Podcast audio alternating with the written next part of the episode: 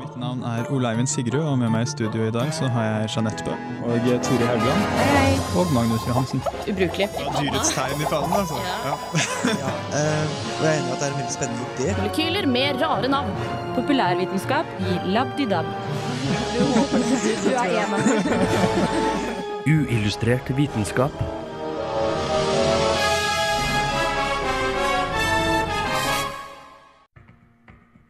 Vi i Uillustrert vitenskap er omsider tilbake i Trondheim, etter en litt i overkant lang juleferie.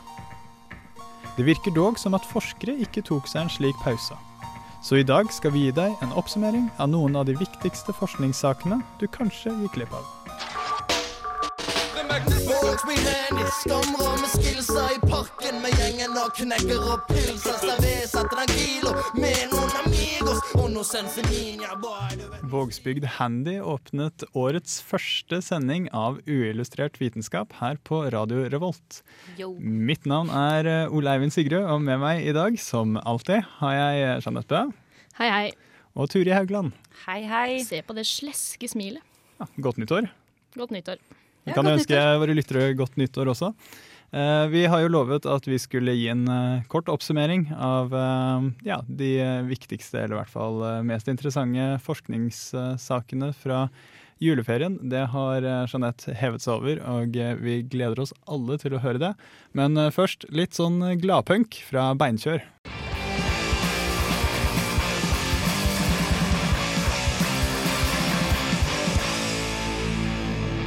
Radio Revolt. Uillustrert vitenskap presenterer Forskningsnytt.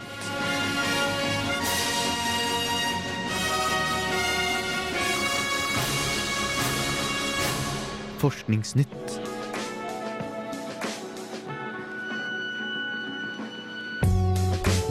Pga. innstramminger i budsjetter blir nå partikkelakseleratoren Tevatron ved Fermilab, den amerikanske lillebroren til LHC, slått av innen slutten av 2011.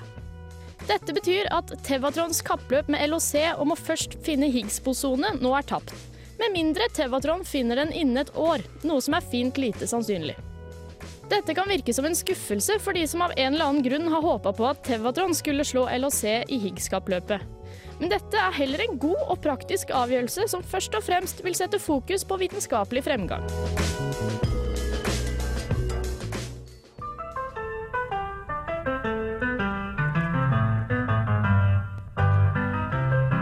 1998 publiserte forskeren Andrew Wakefield en undersøkelse som viste at det var en link mellom MMR-vaksinen og autisme, noe som skapte en stor skepsis mot MMR-vaksineringen av barn. Ikke overraskende viste det seg at undersøkelsen ikke var pålitelig, og i forrige uke ble det konkludert at Wakefield hadde juksa. Det viste seg at studiet baserte seg på barn som viste tegn på autisme allerede før de hadde blitt vaksinert. I tillegg viste det seg at Wakefield planla å tjene penger på studiet sitt, i og med at han planla å lage en ny og påstått bedre versjon av vaksinen. Andrew Wakefield har ikke overraskende mistet sin medisinske lisens.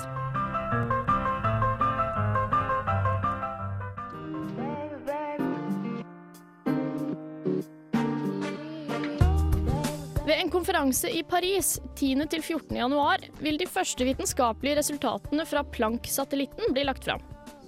Her vil bl.a. en ny katalog over galaksehoper bli offentliggjort. Noe som vil vise forskernes evne til å skille mellom den opprinnelige kosmiske bakgrunnsstrålen fra Big Bang og effekter fra forgrunnsobjekter som galaksehoper. 85% av de observerte galaksehopene består av mørk materie. Og studiet av disse observasjonene kan gi verdifull informasjon om de mystiske egenskapene til den mørke materien.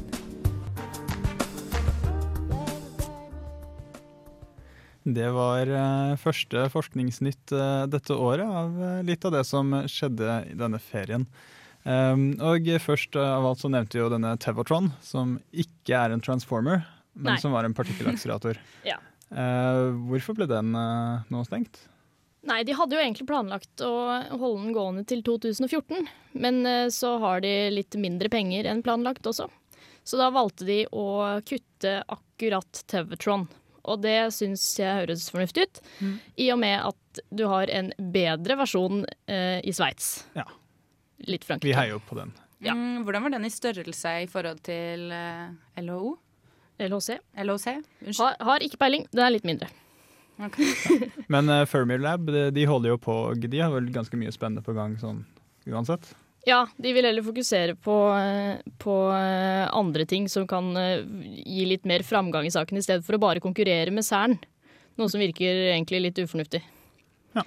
Over til eh, Storbritannia, til en uh, sak som uh, ja, har plaget verden siden 1998. Andrew Wakefield. Uh, ja, det, det var jo eh, slående at det ikke bare var eh, dårlig og slett forskning, men at det, viser seg til og med å være forskningsjuks. Men hva sier eh, Wakefield til disse anklagene?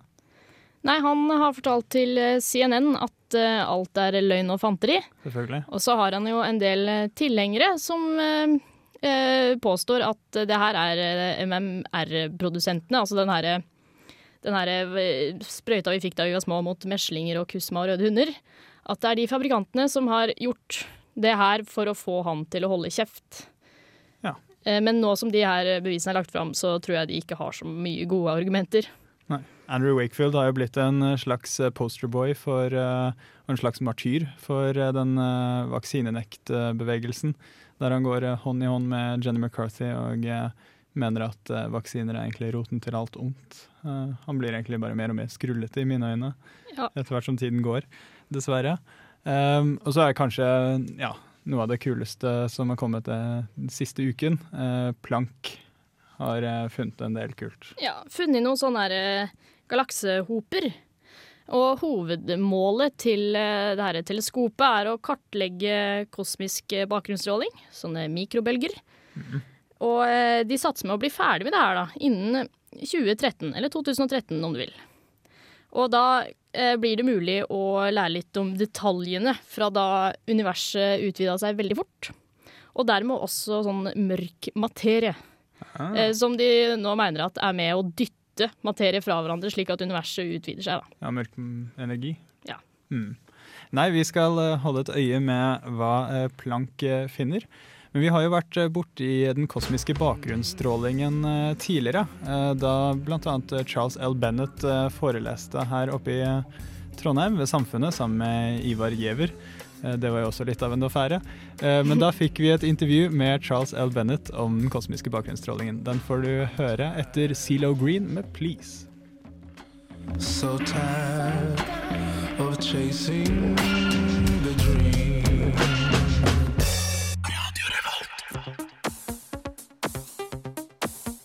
Charles L. Bennett er en amerikansk kosmolog og professor i fysikk og astronomi ved John Hopkins University. Han er leder for romforskningsprogrammet Wilkinson Microwave Anisotropy Probe, og før det var han vitenskapelig nestleder for Differential Microwave Radiometer på Kobi-satellitten. Det begge disse prosjektene har til felles, er at de studerer den kosmiske bakgrunnsstrålingen. Bakgrunnsstrålingen er rester av den intense elektromagnetiske strålingen ved universets begynnelse. Etter hvert som universet har utvidet seg, har denne strålingen avtatt, og tilsvarer nå den strålingen en ville få fra et legeme på kun 2,73 kelvin. Vi har nå ekstremt gode modeller for universets utvikling, mye takket være oppdagelsen av den kosmiske bakgrunnsstrålingen. Men hvordan var feltet kosmologi før det?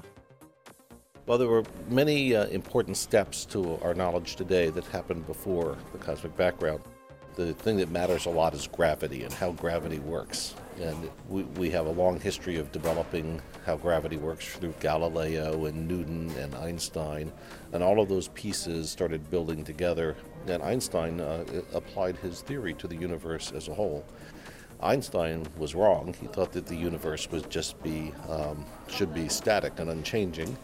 And in 1929, the American astronomer Edwin Hubble discovered that the universe actually is expanding, and it's not it's not static. And Einstein was gracious and retracted his idea. So he said he was wrong, called it the greatest blunder of his career. And then around 1950, there was uh, a number of uh, steps also that were very important uh, in calculating how the atomic elements formed in the early universe. And one of the things that came out of those calculations was a prediction that there should be a cosmic microwave background radiation. And um, that prediction turned out to be correct. It wasn't discovered until 1965. Um, and actually discovered by accident. The people that found it weren't looking for it, but discoveries are, are good for Nobel Prizes, and they won a Nobel Prize anyway. And that started a sequence of events of studying the radiation and learning about the early universe. Steady state-hypotesen mistet mange tilhengere etter Hubble oppdaget at universet utvides. Men det var den kosmiske bakgrunnsstrålingen som endelig tok knekken på den. The Big Bang Theory predicted this cosmic background radiation, and the steady state theory really couldn't even explain it. So, the, the, discovery of the cosmic background pretty much was the end of the steady state theory of the universe, and then everybody focused their efforts on the, on the thing that actually had the accurate prediction. Så hva er det med denne strålingen som gjør den så spennende for fysikere? The radiation provides us actually with a time machine. Because the radiation is light, it travels at the speed of light, and the speed of light is really fast, but it's not infinitely fast. It takes time for light to get to one place to the other. And because we're able to see light that's been traveling across the universe for the whole history of the universe, when it gets to us and we put together the image of it, it is a direct image of what things were like billions of years ago. And so it's, uh, it's invaluable for studying the early universe. And we've uh, traced the universe back to within one second of the beginning. And we even have ideas about what happened within the first second and theories about it. And we are now collecting data, checking the theories, and trying to develop that. So we actually understand most of the history of the universe pretty well. Så satt jeg der, da, med en av verdens fremste astrofysikere. Det finnes så mye spennende å snakke om på dette feltet, men det var ett spørsmål jeg virkelig måtte få svar på. Hva synes han egentlig om nerdetegnestripen over alle nerdetegnestriper? Nettstripen XKCD. I love XKCD. It's, I read it all the time. It's great fun. Science, it works, bitches.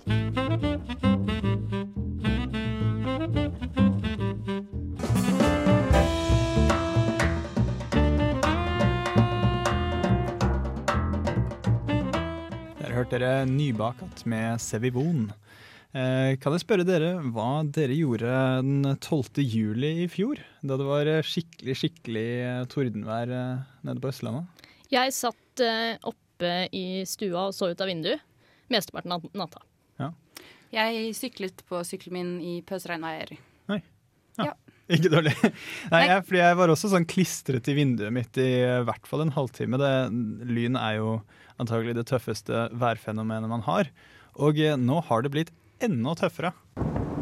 Natt til den 13. juli braket det løs på Østlandet. 11 000 lyn slo ned denne natta. Herregud, så du jeg slo der nå, eller?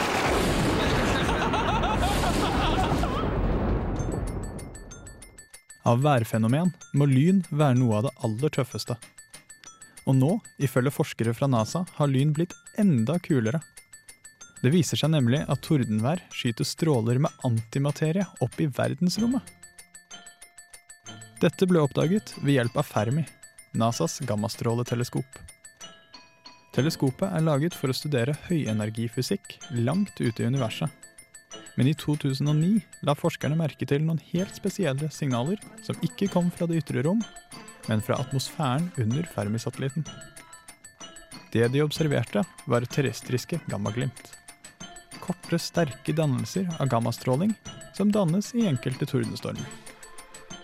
Terrestriske gammaglimt var blitt observert tidligere, men disse var av en type som produserer positroner.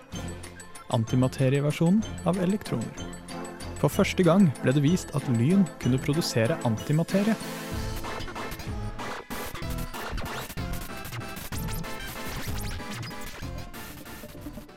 Definitivt tøft og oppsiktsvekkende, men forskere slet lenge med å forklare fenomenet, da det innebar at det elektriske feltet assosiert med lyn på en eller annen måte var blitt reversert. Denne uken kunne forskere gi noen svar ved et møte for The American Astronomical Society. I tilstrekkelig kraftig tordenvær sender de elektriske feltene helt i toppen av tordenskyen ut positroner og elektroner. Disse nærmer seg lyshastigheten idet de slynges ut i verdensrommet. Til slutt tvinger jordens magnetfelt partiklene til å vende tilbake igjen, der de treffer hverandre og annihileres.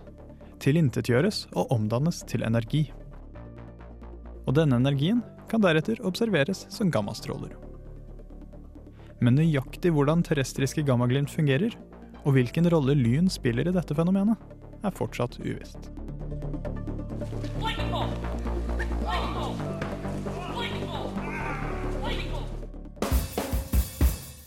Hi, uh, alright, so the compression and expansion of the longitudinal waves cause the erratic oscillation, you can see it there, of the neighboring particles. Uillustrert vitenskap. Hvor kult er ikke det at det blir produsert antimaterie i tordenskyer? Det er ganske stilig. Det er tøft. Det er det. Så ikke bare satt vi og beundret lynet, men vi beundret faktisk eh, ja, dannelse av antimaterie. Det, det, det liker jeg. Eh, men eh, det var egentlig ganske artig, det, den saken der. Fordi i 2008 så observerte jo Fermi ganske mange sånne dannelser av positroner. Eh, og ja, la merke til disse gammaglimtene. Eh, og stort sett så eh, befant disse gammaglimtene seg rett under eh, satellitten, og det var på den måten den detekterte dem. Men fire ganger så var det faktisk ekstremt langt unna. Blant annet så var det en gang den satellitten fløy over Egypt. Så var det et sånt terrestrialt gammaglimt i Zambia, som da befant seg eh, langt forbi eh, planetens horisont. Men klarte likevel å detektere det, fordi da eh, dette positronet og elektronet fløy jo da langt opp i atmosfæren og forbi Fermi, og den traff den etter den hadde snudd, så traff den faktisk Fermi i teleskopet. Eh, så en sånn bitte liten del av eh, det stakkars teleskopet ble faktisk eh, tilintetgjort. Og dette klarte da satellitten å detektere, altså observerte den sin egen lille tilintetgjørelse. Det syns jeg var ganske, ganske kult. Ikke dårlig. Stilig. Men du Turi, du hadde jo også snublet over en annen artig vitenskapsartikkel om at ja, menn ikke liker at kvinner gråter. Ja, eller eh, Det er vel ikke så mange som liker folk som gråter. Nei, det, det er kanskje ikke så overraskende. Eh, men eh, forskere snublet litt over en annerledes effekt da, av menneskers gråt hos menn enn det de hadde trodd. Fordi de trodde mer at det endret humøret til menn, gjorde dem litt sånn nedstemte og hva heter det, og empatisk, ikke minst, for kvinner. Eh, men det de fant ut av, var at det var testosteronnivået i menn som faktisk synker. Eh, som eh, en reaksjon av at i tårer så er det kjemiske signaler som gjør dette. Ja. Tror du dette kommer til å eh, være en kandidat til Ig Nobel? Ja, kanskje. Hvem vet? Hvem vet? Jeg vil høre mer.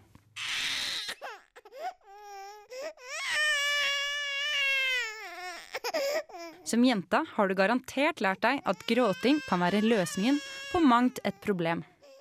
Krangler med kjærester, og ikke minst far i huset. Hvordan får du det som du vil?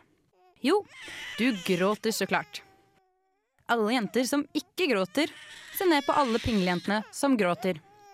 Til disse sistnevnte har jeg bare dette å si. Gråting kan føre til mer enn du tror. Så sett i gang skrikingen, jenter.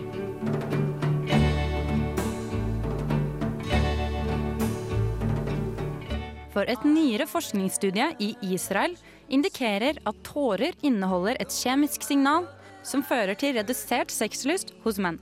Inntil nå har den allmenne oppfattelsen vært at tårer er et rent psykologisk fenomen, når det ikke bare er en praktisk måte å rense og beskytte øynene.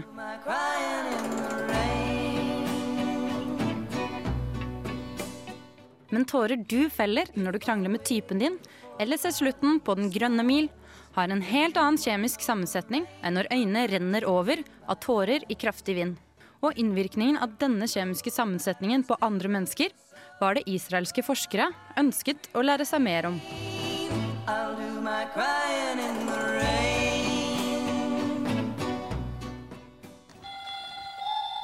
Noam Sobel og kolleger ved Weizmann Institute for Science i Israel satte derfor opp forsøk der de fikk se hvordan en kvinnes gråt kunne påvirke en mann. I første del av eksperimentene fikk de mennene til å lukte på tårer før de fylte ut et stemningsskjema. Til deres overraskelse viste det seg at tårer ikke førte til endring i humøret. Det tårene gjorde, var å redusere deres seksuelle lyst.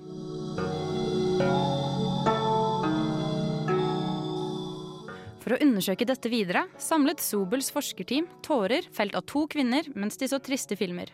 De dyppet bomull i tårene eller saltvannsløsning som hadde rent nedover kvinnenes ansikt. En gruppe bestående av 24 frivillige menn ble så bedt om å lukte forskjellen på væskene. Mennene klarte ikke å skille dem ved lukt. Videre fikk de en rekke fotografier av kvinner før og etter de hadde luktet på en av væskene. Det viste at kvinnene ble oppfattet som mindre attraktive etter mennene hadde luktet tårene. Forskerne fant også mindre testosteron i spyttet til disse mennene. Så hva er egentlig konklusjonen av dette studiet? Dette indikerer, mener forskerne, at det er den kjemiske sammensetningen i kvinnenes tårer som endret mennenes atferd. Slike typer kjemiske signaler som utskilles av kroppen og påvirker artfellers oppførsel, blir også kalt feromoner. I et evolusjonsteoretisk perspektiv kan dette ses som en beskyttelsesmekanisme for ja, kvinner. Fra overkåte alfahanner som er ute for å tilfredsstille seg selv. Dersom kvinnen opplever smerte, f.eks. ved samleie, vil gråten hennes redusere testosteronnivået i hannen og dermed minke lysten og ikke minst aggressiviteten. Ikke dumt.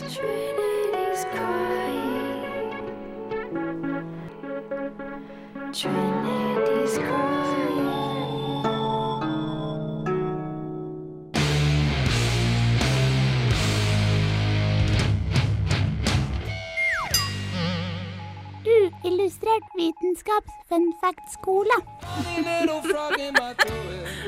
Vær midtpunktet på neste vorspiel.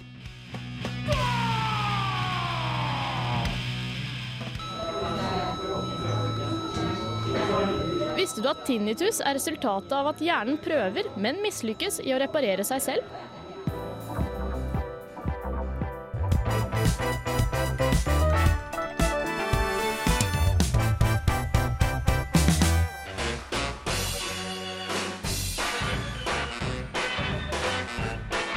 Hei, eh, jeg heter Petter Skjerven, og jeg lytter til Illustrert vitenskap på Radio Revolt så ofte jeg bare kan. Uillustrert, ja. Veldig bra. Hei, jeg heter Petter Skjerven, og jeg lytter til Uillustrert vitenskap på Radio Revolt så ofte jeg bare kan. Vi har hørt en uh, liten fun fact om uh, tinnitus. Uh, kanskje ikke så fun for de som har det, men for Nei. oss andre så er det egentlig ganske fascinerende. Men dette vil jeg høre litt mer om, Jeanette. Ja, det er ganske mange som lider av tinnitus, og hvis den du prøver å imponere med fun facten på vorspiel er litt mer interessert i tinnitus, ja. så kan jeg jo fortelle at det kommer av at hjernen prøver å forsvare verten sin, om du vil kalle det det sin fra eh, for høy eh, stimuli fra lyd. Og da, når man opplever sånn fravær av lyd eh, i noen visse frekvenser, så, eh, som kommer av aldring, eller hvis du har stått eh, fremst på metal-konsert, så, så tvinger det hjernen til å produsere lyder, eller toner, da, for å erstatte de som eh, da mangler. Men det hender at det er et system i hjernen som som står for behandling av følelser og litt sånn ymse, som ikke klarer å stoppe de lydene her fra eh, bevisst oppfatning. Og da, da får man tinnitus. Og det er ikke noe, er ikke noe ordentlig kur mot uh, tinnitus, egentlig. Men det ser ut til at for noen så kan antidepressiva hjelpe. For noen. Jeg vet ikke hvorfor. Ja. Merkelig. Ja, nei, Det er egentlig nok et eksempel eh, på det eh, ja, vi som ofte diskuterer med kreasjonister kaller uintelligent design. design. Litt sånn engineering fail på menneskets side. Ja. Men som gir full mening i lys av evolusjon. Da. Men over til å imponere folk på fest. En ting jeg alltid erget meg over at det ikke fantes i Norge, det var science fairs. For da jeg så på ja, filmer og TV-serier så så jeg alltid at på skoler i spesielt da USA så hadde de science fairs der uh, de skikkelig nerdene kunne være helt for en dag og lage skikkelig god di diorama eller, eller, en vulkan eller noe enda mer uh, spennende. Og da få seg en sånn blue ribbon Eh, det syns jeg virket skikkelig stas. Eh, hadde alltid lyst til å være med på noe sånt, men hadde vi det her i Norge? Eh, nei.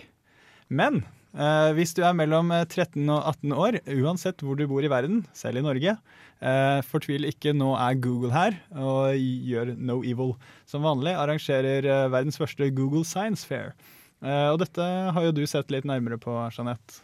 Ja. Fortell. Da er det meningen at uh, disse 13-18-åringene skal uh, sende inn uh, sine prosjekter da, i form av en tominutters uh, videosnutt eller et 20-siders slide, powerpoint, vet ikke hva det er. og for å kunne være med, så må du ja da være 13-18 år. Og du må ha en Google-konto, selvfølgelig. og premiene er helt sykt bra. Jeg har så lyst på de premiene. Ja, det er, det er litt grettenhet uh, i uh, redaksjonen nå, fordi vi er over 18. Det er ikke spesielt stas i dag. Hva slags premier? Jeg hadde kjempelyst til å melde meg på. Jeg visste ikke om noen premier, og så fant jeg ut at det var 18 års aldersgrense. Altså ja, maks. Ja, eh, fordi premiene er faktisk fordi Google samarbeider med Cern, Lego, Scientific American og National Geographic. Det er fire ting vi liker, det. Oi, oi, oi. Så eh, førstepremiene, det er flere. Det er masse, du får så mye. Det er ti dagers tur til Galapagosøyene, der du kan eh, se på dyr. Mm. Eh, og så er det et stipend fra Google på 50 000 dollar. Nei. Og så er det en sånn personlig Lego-mosaikk i farger som du kan bygge selv. Én til hver deltaker. Oi, oi. På gruppa, da. Og så er det ja, digital tilgang til Scientific American-arkivet. Eh, og, og så får du mulighet til å tilbringe tre dager på Cern. Tre dager på Googles forskningssenter i Zürich. Og så er det et internship hos Lego, der du kan uh, være med å utvikle nye produkter. Og få navnet ditt på produktet. Wow. Veldig stas. Og så er det tre dager hos uh, Scientific American i New York, sammen med redaktøren. Herregud. Så, og å, da må du sende inn eh, din video, eller hva det skal være, innen 4. april 2011. Ja. Så eh, hvis du er mellom 13 og 18, eh, bli med. Hvis du er over den alderen, finn noen som er mellom 13 og 18, og hjelp dem til å vinne de premiene. Stjel premien. ja, stjel premien, eller vær litt altruistisk. Eh, men sist av alt, eh, vi er jo for gamle, dessverre. Men eh, hva ville dere lagd hvis dere kunne være med? Eh, kanskje eh, eh, Fins det en Segway med bare ett hjul? Hmm. Sikkert noen på Kub som har lagd det, men det var en god idé. Ja. Eh, nei, jeg har nettopp sett på en liten robotdansekonkurranse. Japansk, selvfølgelig. Og, så jeg vil lage tre roboter som danser samme dans. Som Kanskje ligner på deg? nei, egentlig katter. Jeg vet ikke om Men i hvert fall så skal de helst ha litt sånn cheerleading. Turi, tu, tu, tu, ja, det er jeg lyst til å lage. Ingen dum idé. Ja, jeg håper dere lager det uansett. Eh, vi har fortsatt eh, litt igjen av eh, dagens uillustrert vitenskap, men først så skal vi høre Lars Fremmelid, 'Quiet Hole'.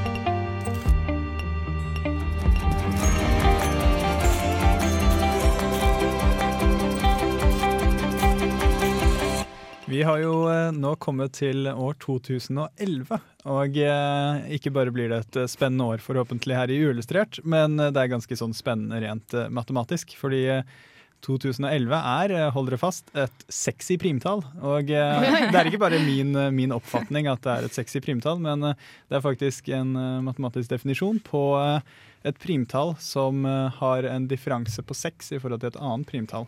Så her er det da 2017 og 2011 er to primtall som har differanse 6. De er begge sexy primtall. Og ikke nok med det, men 2011 eh, er også et primtall som kan skrives som summen av 11 primtall. Oi, oi. Eh, altså summen av alle primtallene fra 157 til 211.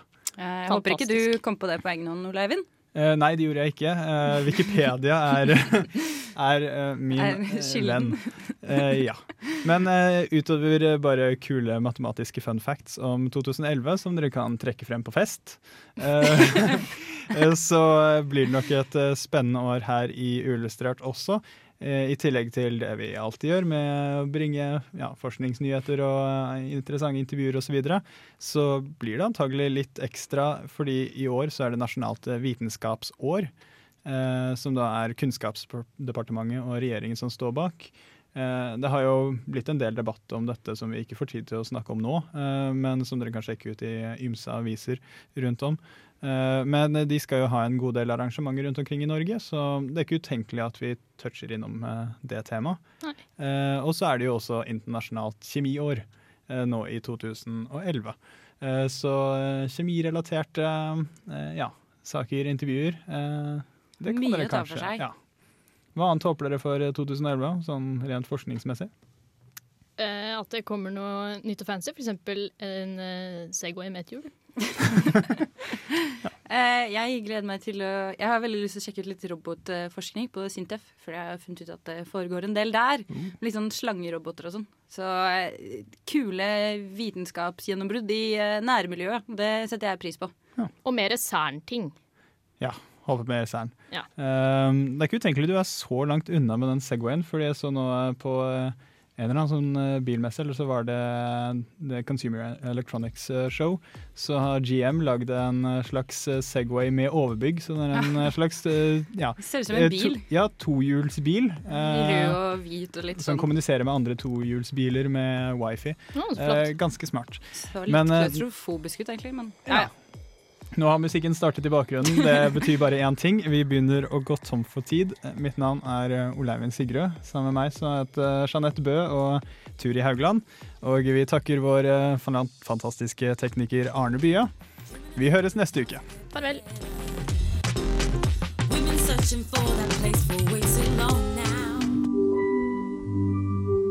Uillustrert vitenskap er Midt-Norges eneste teknologimagasin på lokalradio. Og vi snakker om alt fra populærvitenskap til sære forskningsprosjekt ved NTNU.